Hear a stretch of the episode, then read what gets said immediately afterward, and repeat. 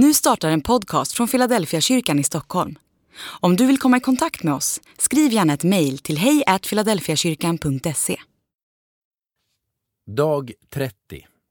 Jag är världens ljus. Johannes evangeliet kapitel 8 och vers 12.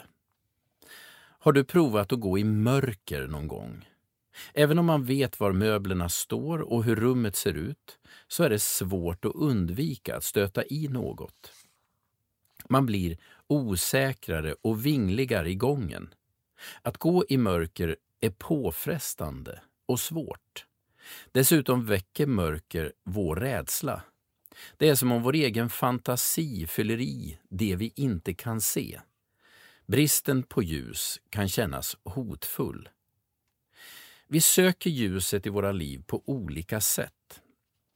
Vi har ett behov av att liksom se vårt liv i ett större sammanhang. För många är evolutionstanken en form av ljus över livet.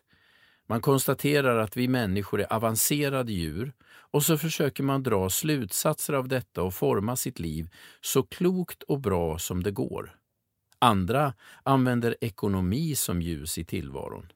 Det handlar om att samla ekonomiska medel och trygga sin tillvaro med hjälp av resurser. I Sverige är min känsla att ekonomin har blivit den trosföreställning vi lever efter. Det är börskurser och pensionssystem som har blivit vårt evangelium. Jesus säger att han är världens ljus.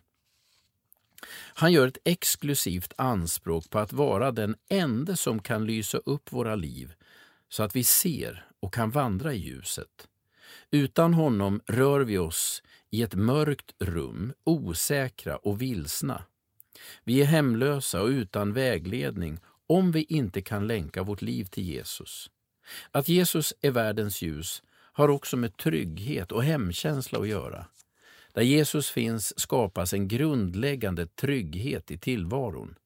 Även om hoten finns så är Jesu närvaro en trygghetsfaktor som övertrumfar alla hotbilder.